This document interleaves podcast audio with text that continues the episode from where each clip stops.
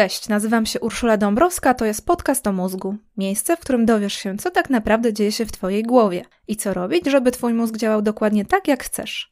Jeśli nie zawsze, to przynajmniej częściej niż teraz.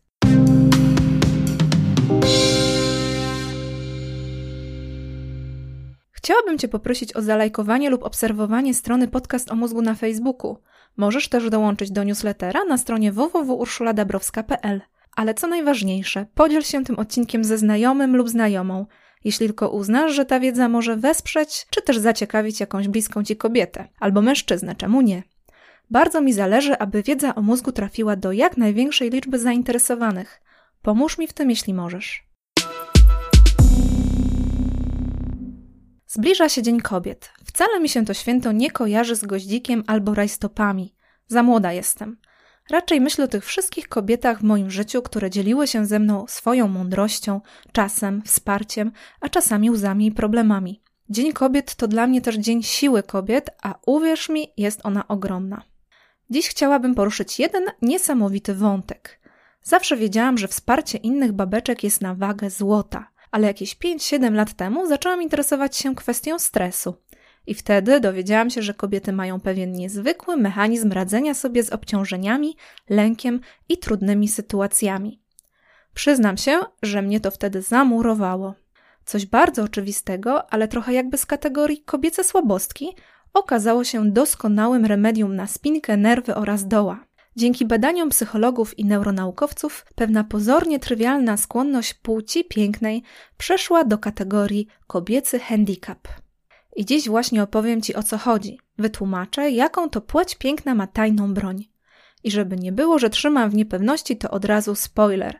Tą tajną bronią jest najzwyklejsza w świecie życzliwa rozmowa, którą niektórzy złośliwcy nazywają czczą paplaniną, a ja wolę mówić jednak o pogaduszkach i ewentualnie ploteczkach. I o tym będzie właśnie dzisiejszy odcinek. Zapraszam. Właściwie wszystko, co dziś powiem, będzie podsumowaniem dorobku naukowego jednego naukowca. Źle mówię, nie naukowca, tylko naukowczyni. Wiadomo, przecież dziś odcinek na Dzień Kobiet. Główną bohaterką nie może być kto inny, tylko kobieta. Ta pani to Shelley Elizabeth Taylor. Nie mylić z aktorką Elizabeth Taylor, która też niezwykłą postacią była, ale to opowieść na inny podcast. Natomiast Shelley Taylor to profesorka psychologii z Uniwersytetu Kalifornijskiego. Jeśli o niej nie słyszałeś, nie słyszałaś, to nic nie szkodzi, ale teraz to już zapamiętaj to nazwisko, bo to wspaniała kobieta i wspaniały naukowiec. Dla mnie wzór, bo połączyła w sobie trzy świetne cechy. Po pierwsze, doskonale rozumie siebie i inne kobiety. Ma wspaniałą intuicję badaczki i nie waha się z niej korzystać w swojej pracy. Po drugie, jest rzetelnym naukowcem, który weryfikuje swoje poglądy i sprawdza empirycznie, jak sprawy naprawdę się mają. Intuicja intuicją, ale wszystko trzeba porządnie zresearchować i udowodnić. A po trzecie, Shelley Taylor miała odwagę zanegować obowiązujący kilkadziesiąt lat porządek i go wywrócić do góry nogami. Jej przekonująca teoria, było nie było, zrobiła niezłe zamieszanie. Stała się pstryczkiem w nos dla wielu innych skąd inąd zasłużonych naukowców. Shelley Taylor nie bała się powiedzieć: Hola, hola, panowie, to, co tu sobie ustaliliście, to trochę fuszerka. Nie całkiem źle, ale też nie całkiem dobrze. Trzeba poprawić. Jak dla mnie te trzy cechy to zestaw wybuchowy. Naprawdę wspaniała i mądra kobieta, jakich przecież wiele, bo nie trzeba być naukowcem, żeby mieć głowę na karku. Wiadomo, ale Shelley Taylor zasługuje, aby znać jej nazwisko. Wszystko zaczęło się od tego, że badaczka zaczęła zajmować się bardzo ważnym i ciekawym tematem chodzi o stres. No i zagrożenie oraz to, jak organizm radzi sobie z każdą niebezpieczną sytuacją. Jak mózg i ciało odpowiadają na sytuację alarmową. I dlatego teraz, zanim zajmiemy się dorobkiem badaczki, zróbmy sobie małe powtórzenie z fizjologii stresu. Gotowa, gotowy? No to zaczynamy. Wyobraź sobie, że idziesz wieczorem przez las. Kątem oka zauważasz w zaroślach jakiś ruch i jakby futro. Oblewa cię zimny pot, automatycznie sztywniejesz, twoje serce zaczyna bić jak oszalałe. Trudno ci to sobie wyobrazić, rozumiem. To może coś bardziej życiowego. Powiedzmy, że wysyłasz szefowi w piątek po południu prezentację z raportem za ostatni kwartał działania twojego działu. W sobotę rano widzisz w skrzynce mail od szefa z tematem pilne, otwórz natychmiast. I jak się z tym czujesz? Tężeją ci mięśnie, zaciskasz szczękę, po twoim ciele przechodzi bardzo nieprzyjemna fala gorąca, a może coś ściska cię w dołku. Jeśli żaden z tych dwóch przykładów nie przemawia ci do wyobraźni, to poszukaj w pamięci czegoś, co cię wyprowadza z równowagi. Czegoś, co sprawia, że podnosi ci się ciśnienie we krwi. Po prostu czegoś, co cię stresuje. To mogą być korki na mieście, irytujące odzywki nastolatka, wyciągi bankowe, wieczorny serwis informacyjny, wysoki cholesterol w wynikach badań krwi. Mnóstwo tego do wyboru, do koloru. Coś pewnie się znajdzie, a jeśli w Twoim życiu nie ma stresujących rzeczy, to albo jesteś doskonałym stoikiem, albo niezwykłym szczęściarzem. W każdym razie większość z nas to zna. Coś się dzieje, jakieś słowo, jakaś informacja, wydarzenie, a czasem wystarczy myśl i całe nasze ciało wchodzi w tryb alarmowy. Ciało i głowa, bo to przecież trudno całkiem oddzielić. Przeklinamy to okropne uczucie, a na pewno od niego stronimy. Ale trzeba sobie powiedzieć, że ono nie jest tak całkiem głupie. Gdybyś spotkał, spotkała prawdziwego dzika w lesie, a jeszcze gorzej lochę z młodymi, to cała ta krew w mięśniach i przyspieszony puls bardzo by ci się przydały. Do czego? Oczywiście do wspięcia się na drzewo. Gorzej, że w przypadku maila od szefa taka pełna mobilizacja organizmu jest na plaster. Wręcz może utrudniać działanie, bo ogranicza funkcje poznawcze. Mózg zakłada, że w sytuacji zagrożenia masz raczej działać, a nie myśleć, uciekać albo walczyć. I właśnie stąd się wzięła nazwa reakcji na niebezpieczeństwo. To fight or flight, czyli po angielsku walcz lub uciekaj. Dla ścisłości trzeba dodać, że naukowcy dołożyli po latach jeszcze jeden tryb, tak zwany freeze, czyli pełne znieruchomienie w obliczu zagrożenia, ale to trochę osobna historia, opowiem kiedy indziej. Fight or flight, czyli reakcja walki albo ucieczki, to dość pożyteczna sprawa, tylko jakby za bardzo przeczulona w dzisiejszych czasach. Poświęciłam temu tematowi osobny odcinek. To numer 14 pod tytułem Układ przesympatyczny. Odsłuchaj, jeśli chcesz wiedzieć, jak sobie radzić z nadaktywnym układem sympatycznym. To ta część naszego układu nerwowego, która obsługuje reakcję walki albo ucieczki, czyli odpowiedź organizmu na zagrożenie. Teraz tylko w skrócie przypomnę, że układ sympatyczny, zwany także współczulnym, robi następujące rzeczy. Zwęża źrenice oraz wywołuje tzw. Tak widzenie tunelowe. Przyspiesza oddech oraz bicie serca. Hamuje procesy trawienne. Stymuluje uwalnianie glukozy do krwi i kieruje ją do mięśni szkieletowych. Spowalnia perystaltykę, czyli pracę jelit. Powoduje uwalnianie adrenaliny i noradrenaliny z nadnerczy. Wszystko to wiedza stara jak świat. Nie no, przesadziłam, ale w kategoriach nowoczesnej nauki naprawdę dość stara. Termin fight or flight ukuto już w latach 30. XX wieku. Autorstwo przypisuje się amerykańskiemu psychologowi Walterowi Cannonowi. Należy mu się odpowiedni szacunek za odkrycie tego mechanizmu i upowszechnienie wiedzy o tym, co się dzieje w organizmie w odpowiedzi na stres. W skrócie mamy zagrażający bodziec, aktywację układu współczelnego, produkcję adrenaliny i noradrenaliny, a do tego natychmiastowe przygotowanie ciała do obrony, czyli walki lub ucieczki. Brzmi przekonująco, ale teraz zrobimy szybki przeskok do końcówki XX wieku, żeby przekonać się, że fight or flight, a nawet freeze to może prawda, ale nie cała prawda. I teraz na scenę wchodzi pani Shelley Taylor. Badaczka, jak każdy psycholog na świecie, doskonale zna mechanizm fight, flight i freeze, ale jakiś wewnętrzny głos podpowiada jej, że coś tu nie gra. Wystarczy popatrzeć dookoła na znajome kobiety. Czy doświadczają stresu? Czy spotykają się z zagrożeniem? A jakże? Czy ich organizm wpada w tryb alarmowy i pełną mobilizację? Na pewno. Ale czy mają przy tym impuls do walki albo ucieczki? Hm, może czasami. W każdym razie tu właśnie pojawiają się pewne wątpliwości. Zdawszy sobie z tego sprawę, Shelley Taylor postanowiła przyjrzeć się całemu zagadnieniu jeszcze raz. Spojrzeć na sprawę świeżym okiem, a to dla naukowca oznacza po prostu żmudną i czasochłonną kwerendę, czyli zapoznanie się z dotychczasową literaturą. I co w tej literaturze zobaczyła Shelley Taylor? Szykuj się, bo szczęka ci może ze zdziwienia opaść na samą podłogę. Otóż od czasów Waltera Canona, a może i wcześniej, zrobiono setki, jeśli nie tysiące badań na temat stresu i reakcji fight or flight. Tyle, że jest mały haczyk. Przeważającą większość tych badań robiono na szczurach i to na szczurach płci męskiej. Szok i niedowierzanie, prawda? Ciśnie się na usta, że to chyba jakaś zmowa, spisek, a błąd metodologiczny co najmniej. O co w tym wszystkim chodzi, pewnie się pytasz. Spieszę z wyjaśnieniem. Zacznijmy od szczurów. Od razu uspokajam, że bardzo wiele z tego, co wiemy o człowieku, dowiedzieliśmy się właśnie z badań nad tymi gryzoniami. Ja wiem, szczur to nie człowiek, ale tak zwany gatunek modelowy. Szczury to bardzo inteligentne ssaki i do tego ssaki społeczne, jak my. Dlatego bardzo wiele z tego, jak one działają, można spokojnie przekładać na fizjologię człowieka, z odpowiednią dozą krytycyzmu oczywiście. To jest też moment, żeby wspomnieć z szacunkiem i czułością te miliony szczurów, które przysłużyły się nauce, bo nie ukrywajmy, że wielokrotnie musiały oddać przy okazji zdrowie albo życie, a zawsze wolność. No ale nie o tym dziś chciałam opowiadać. Wróćmy do stresu. Teraz przyjrzyjmy się kwestii, dlaczego do badań nad reakcją fight or flight brano zwykle szczury płci męskiej, a jeśli ludzi, to też zwykle panów. Shelley Taylor nawet policzyła, że do 1995 roku tylko 17% uczestników badań nad fizjologią i endokrynologią stresu stanowiły kobiety. Potem to się trochę zaczęło wyrównywać, ale nadal wolano dobierać do badań raczej panów niż panie. I tu też mamy dobre wyjaśnienie. Okazuje się, że przez całe dekady był to powszechny proceder w najróżniejszego typu badaniach.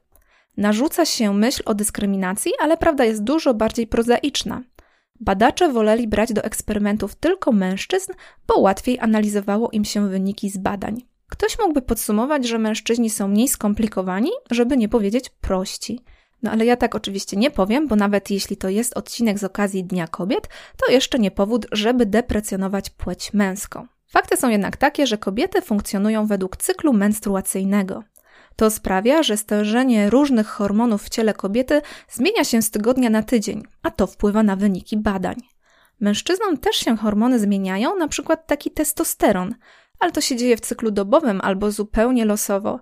I to z punktu widzenia analizy statystycznej dużo lepsza informacja. No to już wiemy, nie ma co się oburzać. Naukowcy też ludzie i też się z każdą dekadą uczą.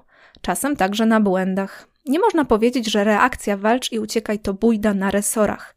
Jakąś prawdę o ludziach i ssakach nam mówi, ale tak jak powiedziałam, nie całą prawdę, tylko tę, która tyczy się mężczyzn albo płci męskiej w ogóle. Gdy Shelley Taylor zdała sobie z tego sprawę, zakasała rękawy, zrobiła szereg własnych eksperymentów, przeanalizowała całą kwestię i doszła do fascynujących wniosków. Zacznijmy od perspektywy ewolucyjnej. O co chodzi właściwie w tej mobilizacji organizmu w obliczu zagrożenia? To chyba jasne. Ewolucja wbudowała w nas takie algorytmy postępowania, które maksymalizują naszą szansę na przeżycie. Dostajemy niepokojący bodziec, a nasze ciało błyskawicznie szykuje się, żeby z tej całej niebezpiecznej sytuacji wyjść cało. Przeżyć, mieć szansę zobaczyć słońce kolejnego dnia, a jeśli wszystko dobrze się potoczy, rozmnożyć się i przekazać geny dalej. Jeśli słuchasz tego podcastu, to oznacza, że się udało. Wszyscy twoi przodkowie od setek tysięcy lat dali radę. Uciekli tygrysowi, zabili jadowitego węża w krzakach, skryli się przed wichurą i wygrali walkę z wrogim osobnikiem z sąsiedniego plemienia. Jesteś efektem tych wszystkich małych i dużych wygranych. Jest powód do świętowania. Tylko teraz rodzi się pytanie, czy aby na pewno walka albo ucieczka były najlepszymi strategiami dla kobiet. Wyobraź sobie taką pra, pra, pra, pra, pra przodkinię, która trzyma niemowlę na jednym ramieniu i kilkulatka drugą ręką. Jak w takiej sytuacji sprawdza się reakcja fight or flight, czyli walcz albo uciekaj? Nie wiem, jak tam z Twoją wyobraźnią, ale moja podpowiada mi same czarne scenariusze. Nawet jeśli taka mama uciekła, czy wdała się w bójkę z napastnikiem, to jej dzieci czekał bardzo trudny los. Możesz słusznie zauważyć, że przecież nie każda kobieta i nie zawsze miała potomstwo. Racja, ale pamiętaj, że geny przekazywały tylko te kobiety, które potomstwo właśnie miały, i tylko ich sposoby radzenia sobie z niebezpieczeństwem przechodziły z pokolenia na pokolenie. I tak wraz z genami utrwalało się takie matczyne podejście, które w obliczu zagrożenia w pierwszej kolejności zapewniało ochronę dzieciom. Jeśli twoja mama albo babcia bywały nadopiekuńcze, to nie miej do nich pretensji miliony lat ewolucji zobowiązuje i trudno wyzbyć się nawyków, które od wieków zakorzeniały się głęboko w genach. Shelley Taylor zauważyła ten prawie bezwarunkowy odruch wszystkich matek, który pojawia się w chwili zagrożenia i nazwała go tend, czyli po angielsku zaopiekować się, zatroszczyć. Ale to jeszcze nie wszystko, co robią kobiety, gdy coś je zestresuje. I tym samym przechodzimy do mojej ulubionej części tej opowieści. Bardzo to ładnie brzmi. Wiadomo, matki mają instynkt, który każe im się skupić na dobru dziecka i przede wszystkim chronić je przed zagrożeniem. Ale pamiętajmy, że dziecko bez matki staje się bardzo bezbronne, więc jednak warto o zdrowie i życie mamy zadbać, czy myślimy z jej perspektywy, czy z perspektywy dziecka. No i teraz porównajmy, jakie możliwości ma mężczyzna: uciec albo stanąć do walki. A kobieta co? Jakoś tak bezbronnie wypada ta jej reakcja na zagrożenie. I taka jest w istocie. Kobieta z dziećmi miała przez wieki naprawdę nielekko. Samotna kobieta z dziećmi była właściwie bezbronna. I to nas prowadzi do drugiej strategii, którą wybierały i wybierają kobiety w obliczu niebezpieczeństwa. I właściwie na co dzień. To reakcja o wdzięcznej nazwie befriend, zaprzyjaźnij się lub nawiąż przyjacielską relację. Tent and befriend ładnie się rymują, prawie tak ładnie jak fight or flight. Po polsku już jest gorzej, ale spróbujmy sobie utrwalić. Znamy już dobrze reakcję walcz albo uciekaj, a teraz poznajemy typowo kobiecą reakcję zatroszcz się i zaprzyjaźnij. Według Shelley Taylor pod łatką pod tytułem Zaprzyjaźnij się kryje się cały kobiecy styl budowania relacji z bliskimi. Kobiety przez tysiąclecia szukały więzi z najbliższą społecznością, bo to dawało im poczucie bezpieczeństwa. Krewni, sąsiedzi, przyjaciele na co dzień dawali zwykłe wsparcie, ale w chwilach zagrożenia po prostu stawali do obrony. A wiemy już, jak bezbronne potrafią być kobiety z dziećmi, szczególnie gdy ojciec dzieci zginie, pójdzie na polowanie albo jakąś wyprawę. I tak to przez eony się utrwalało. Kobiety szukały relacji w myśl, że w grupie raźniej i bezpieczniej. Całkiem słuszne podejście. To tyle, jeśli chodzi o perspektywę ewolucyjną. Teraz przyjrzyjmy się, jak to wszystko przekłada się na neurobiologię i endokrynologię. Wygląda na to, że u obydwu płci fizjologia odpowiedzi na stres jest bardzo podobna. Wspomniałam już o tym, co robi układ współczulny. Na pewno wiesz, że zagrożenie powoduje produkcję adrenaliny, noradrenaliny i jeszcze jednego ważnego hormonu kortyzolu. To wszyscy znamy. Ale czy wiesz, że przy okazji podnosi się również poziom oksytocyny i wazopresyny? Te dwa hormony uczestniczą w budowaniu więzi międzyludzkich albo międzyzwierzęcych, jeśli mówimy o ssakach. Tak się dzieje i u płci męskiej i żeńskiej. Tylko, że działanie tych hormonów u obu płci ma różne skutki. Okazuje się, że pod wpływem stresu mężczyźni mają tendencję do korzystania z jeszcze jednego hormonu, który zawsze utrzymuje się na wysokim poziomie w organizmie. To testosteron. Dojrzali panowie mają go około 20 razy więcej niż panie. Nie oznacza to, że zawsze są skorzy do bitki, ale w sytuacji kryzysowej na pewno łatwiej im wybrać rozwiązania siłowe, czyli dobrze już znane nam fight or flight. Walcz albo uciekaj, w każdym razie użyj mięśni, by wykaraskać się z danej sytuacji. Z kolei kobiety zdają się być bardziej wrażliwe na pojawiającą się w stresie oksytocynę. Oksytocyna to hormon u podstaw potrzebny do tego, żeby urodzić, karmić piersią i stworzyć więź z dzieckiem.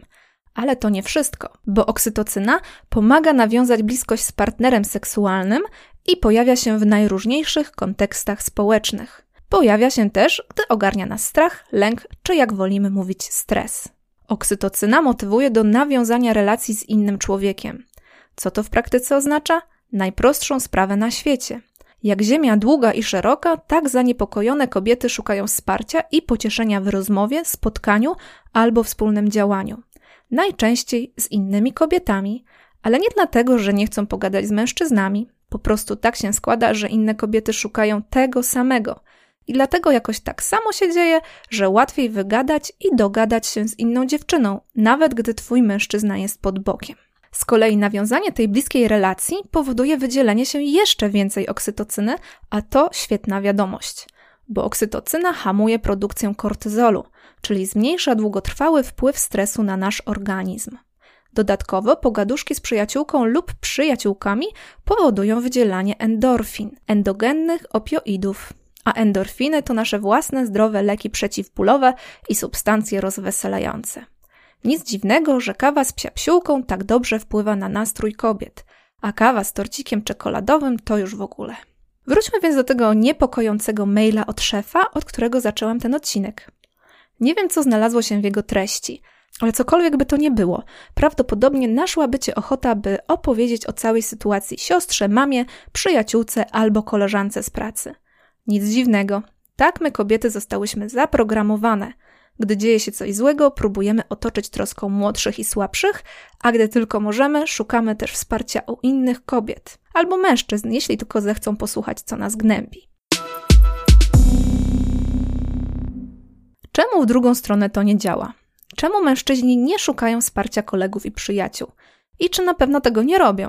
Ja myślę, że robią, ale nie pogaduszkami, a w jakiś inny, mniej werbalny sposób. Tak podejrzewam, ale nie mam dowodów. Każdym razie nie bardzo chciałabym pogłębiać stereotypy.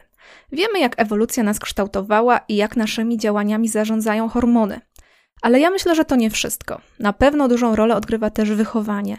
Mężczyzna jest od dziecka kształtowany do tego, by być samodzielny i raczej dawać wsparcie, niż sam jakiegoś szukać. Podobno w młodszym pokoleniu takie nastawienie, takie trochę typu macho, już nie dominuje.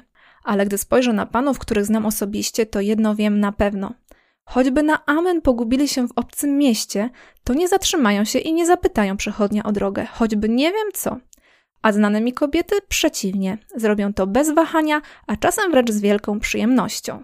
Ale to już taka anegdotka, a nie żaden dowód naukowy, więc nie skupiajmy się na tym. Myślę, że z tym fight or flight oraz stand and befriend to nie jest taki sztywny podział.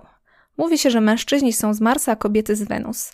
Ale tak naprawdę wszyscy jesteśmy z planety Ziemia i wszyscy mamy więcej podobieństw niż różnic. Przeciętna kobieta różni się od przeciętnego mężczyzny mniej niż kobiety między sobą albo mężczyźni między sobą. I dlatego każdy ma w różnych sytuacjach stresowych różne impulsy.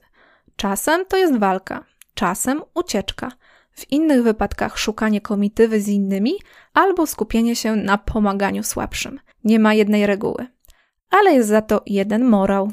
Kobiety naprawdę potrzebują sobie pogadać z innymi kobietami w ramach profilaktyki zdrowia emocjonalnego oraz jako doraźne działanie antystresowe. Dlatego, jeśli jesteś kobietą, to gorąco do tego zachęcam. Skończ ten odcinek i zadzwoń do siostry, mamy, przyjaciółki. Szkoda, że nie jestem lekarzem, bo gdybym była, to bym wypisywała recepty in blanco. Zaleca się rozmowę z koleżanką dwa razy dziennie po 20 minut, albo więcej, jeśli czas pozwoli. No ale nie mam recept i jedyne co, to mogę sobie pogadać w podcaście. A co jeśli jesteś facetem? Cóż, rób co chcesz. Odsłuchaj kolejnego odcinka albo nie. W sumie telefon do znajomego to też dobry pomysł. Nie żałuj sobie. Budowanie gęstej i silnej sieci relacji to jedna z najlepszych rzeczy, które możesz zrobić dla swojego zdrowia i samopoczucia. I to bez względu na to, czy jesteś mężczyzną czy kobietą. Zebrałam na to mnóstwo naukowych dowodów, o których możesz przeczytać w mojej najnowszej książce Życie towarzyskie mózgu 21 powodów, by być z ludźmi. Serdecznie polecam. Tymczasem dziś to już koniec. Pozdrawiam.